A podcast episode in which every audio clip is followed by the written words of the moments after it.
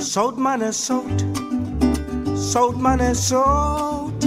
Sout man is sout, daar kom ons boot. Hier kom 'n fout.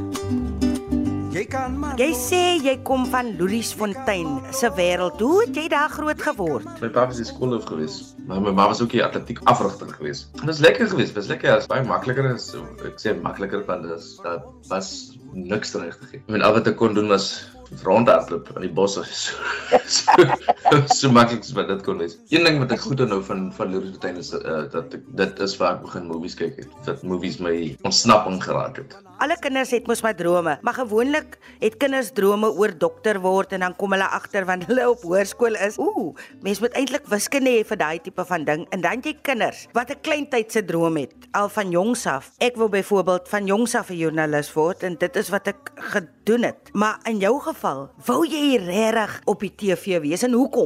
Ek het nie besef dat dit akteurs is nie. So ek het die movies gekyk en ek wou byvoorbeeld 'n ninja gewees het. Ek wou ja, ek wou die karakters gewees het wat ek wat ek in die movie gesien het. So ek het eers baie laat besef dat dit 'n beroep kan wees.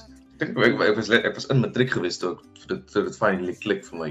So drama aan Universiteit van Stellenbosch. Was dit vir jou 'n uh, soort van 'n ontwaking daar? Het jy goed daar ontdek wat jou anders oor die lewe laat dink het? Ek was nie, ek was nie baie goeie student gewees nie, maar belangrikste ding was die mense wat ek leer ken het. Ek nou dink aan aan die mense wat met ek klas gehad het, by Martinus Passon en Antoinette Kerman. Al kan ek nou nie op my vingers tel die goed wat ek geleer het nie. Sou ek lieg as ek sê ek het niks geleer het. Dit voel net vir my die een ding wat ek die meeste onthou daarvan is hoe sleg ek in my studies was en dat ek dan eintlik na die tyd toe ek nou in die beroep werkswêreld intree eintlik begin leer het. Maar dit is mos nou maar so in met alles. Dat dat mens dan eintlik begin. Daai eerste keer toe jy 'n verhoog betree, wat het binne in jou oopgegaan?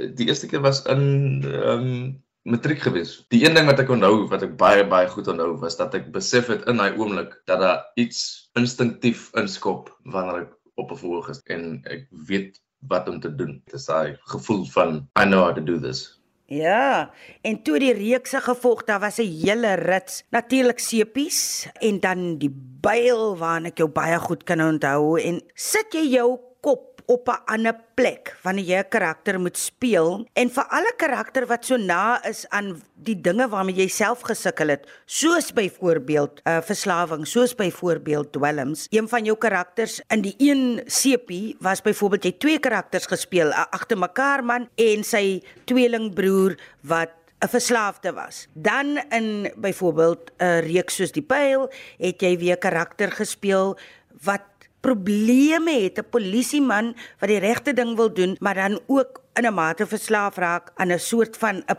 pil wat hom moet help gesond word. Het jy daai karakters gespeel en teruggegaan in wie jy was? Ja, die byl gedoen het. Ooster was nog alright. Die natuur van hoe sepies geskiet word en daar's baie min tyd en mens moet baie vinnig beweeg. So so ek kon nie so diep gaan in daai aspek as wat ek in met die byl kon gaan nie, byvoorbeeld was vir lank daarop kon fokus. Vir my begin dit nou met met die woorde, die woorde op die papier en wat dit vir my gee. Ek dink jy mens kan anders as om dit tot 'n mate weer te beleef. nie. Ja, ek dink dit sou onregverdig gewees het en onwaar gewees het as ek dit nie gedoen het nie. Ja, geen mens kan 'n 'n verlede wegwens byvoorbeeld teen ook. Ek dink ook mens moet dit wat verkeerd gegaan het in jou verlede hoeka inspan as 'n positiewe om byvoorbeeld jong mense wat wat die pad byste raak net net so aan die nekkarre terug te ruk en te sê boetaman, jy wil nie daar gaan nie. Het jy al gevalle gehad waar jy regtig met jong mense moes praat en sê, luister, ek hou my nie beter weterig nie, maar ek sê nou vir jou, dwelms en verslawing is 'n ander ding. Ja, ek moes al inspring hier en daar om iets te sê. Ek doen dit nie regtig op 'n op 'n groepsvlakkie. Omdat daar motivational speakers na ons toe gekom het, na die skool toe gekom het en vir ons kom sê, "Pas op vir die goed en pas op." Ek het hulle gehoor, ek het dit nog anyway gaan try. Ek dink dit is die oplossing nie. Ek dink ook you know, die, die een ding wat ek geleer het is dat as iemand wil ophou en ons kan 'n uh, support structure om hulle hê, dit help.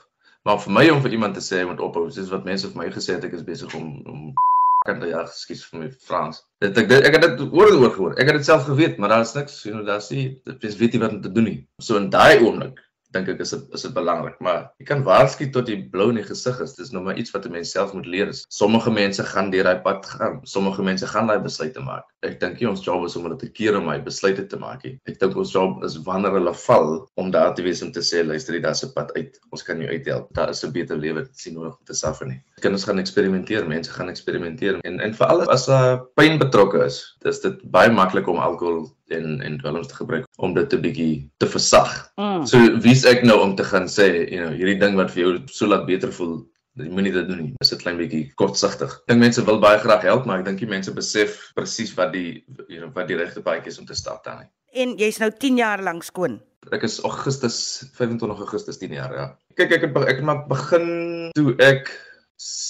16 was, volskanse verslawing was, was nie van die begin af daar nie. Ek kan natuurlik die patrone sien van die begin af. Ja, die patrone was daar. Ek kon nooit normaal drink nie. Daar was definitief tekens van die begin af. Waar dit regtig 'n probleem geraak het, was seker so van 22 af. As jy gelukkig op die stadium van jou lewe waar jy nou is. Jy werk agter die skerms. Weet jy goed van jou taak ook as regisseur, jy's draaiboekskrywer. Jy het ingespring in daai medium in en jy doen jou ding en dan sien ek die lyf lyk goed.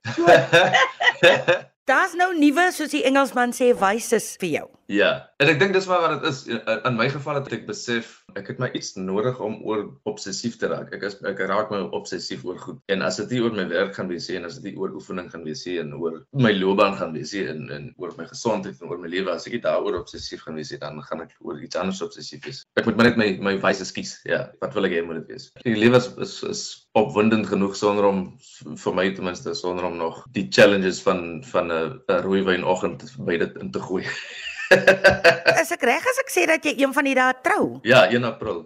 Ja. 1 April, dis letterlik om die draai. Jy was op my kollega se program, Martelise stamtafel. Jy weet daar jy ontdek jou koei en jou san herkoms. Kyk, dit was ja, ek dink vir baie vir baie brei mense is dit natuurlik ons wonder maar. Dinge is nie altyd so so mooi opgeteken nie. So die feit dat iemand dat iemand die moeite gedoen het en regtig baie moeite gedoen het om om te gaan uitgrawe was uh, iets wat baie dankbaar is. En dit was lekker om die bevestiging te kry van eh, seker maar in 'n mate dat ek van hierdie grond afkom, dat dit my wêreld is en dat my mense is wie ek dink hulle is. En dan ehm um, ja, dan dankie Aubrey wat net soveel moeite gedoen het om om uit te vind wat my geskiedenis is of waar my mense vandaan kom. Nou dat jy praat van jou mense, vertel ons gou 'n bietjie van jou ma. Wat 'n wêreldklas atleet kon gewees het, nê? Nee? Maar sy het ongelukkig groot geword in 'n tyd waar daar nie geleenthede was nie. Van kleins af het ek groot geword met sport, spesifiek atletiek. Ek het altyd ek moes ek moes saterdag gaan draf, ek moes saterdag gaan hardloop. Ek moes atletiek oefen. Ek sê nou moes, dis nie dat ek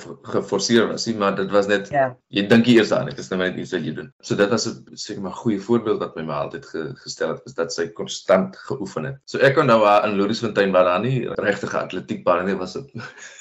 En ek kon ek het altyd daai boeke gesien die die scrapbooks wat sy hou met eh, met die artikels in wat Atye gewys het van toe sy nog compete het. Toe sy die kans kry om weer te hardloop. Was dit eintlik vir my vreemd ek. Ek is so, "O, oh, okay, sy gaan hardloop weer." Die wêreld van van meesters atletiek het so vir my oop gegaan. Ek het gesien dat daar is mense wat baie ernstig van.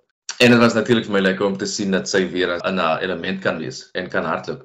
En die ding is wat ek besef het is dat sy nog altyd 'n wêreldklas atleet was. Ek dink sy het haar eerste reis verloor as ek reg onthou en toe teruggegaan en besluit dit sal nooit weer gebeur nie. Toe daarvan af het sy maar net begin wen en ek dink ek kan nie nou van laat sy actually in haar ouderdomsgroep enigiets verloor het en nou dat sy weer in daai sirkels is. Toe sy mos nou Spanje toe gegaan, sy het in Spanje het sy gaan goud wen, goud en silwer en brons in 'n klomp klomp goeders en eh, 'n uh, wêreldkampioen, letterlik 'n wêreldkampioen geraak. Ek het nog nooit van haar ja. gehoor praat van as dit maar net anders was hy dat sy die beste gemaak het van haar omstandighede die liefde van wat sy doen wat belangrik is en nie die outcome daarvan nie voel jy jy het hard gewerk om hier te kom waar jy nou is of voel jy dit was 'n 'n natuurlike proses vir jou om daai lewenspad te stap? Ja, nee, dit vat harde werk. Dit vat baie harde werk en dit vat aanhoudende harde werk. Daar is 'n klein bietjie geluk betrokke. Ek sal dit hou ligie, maar dit is maar om konstant aan die soek te wees, reg te wees vir as die geleentheid kom om iets te hê om voor te lê as die geleentheid kom. In my geval is dit nou om 'n draaiboek te hê of om 'n of om 'n voorbeeld van 'n teks te hê of om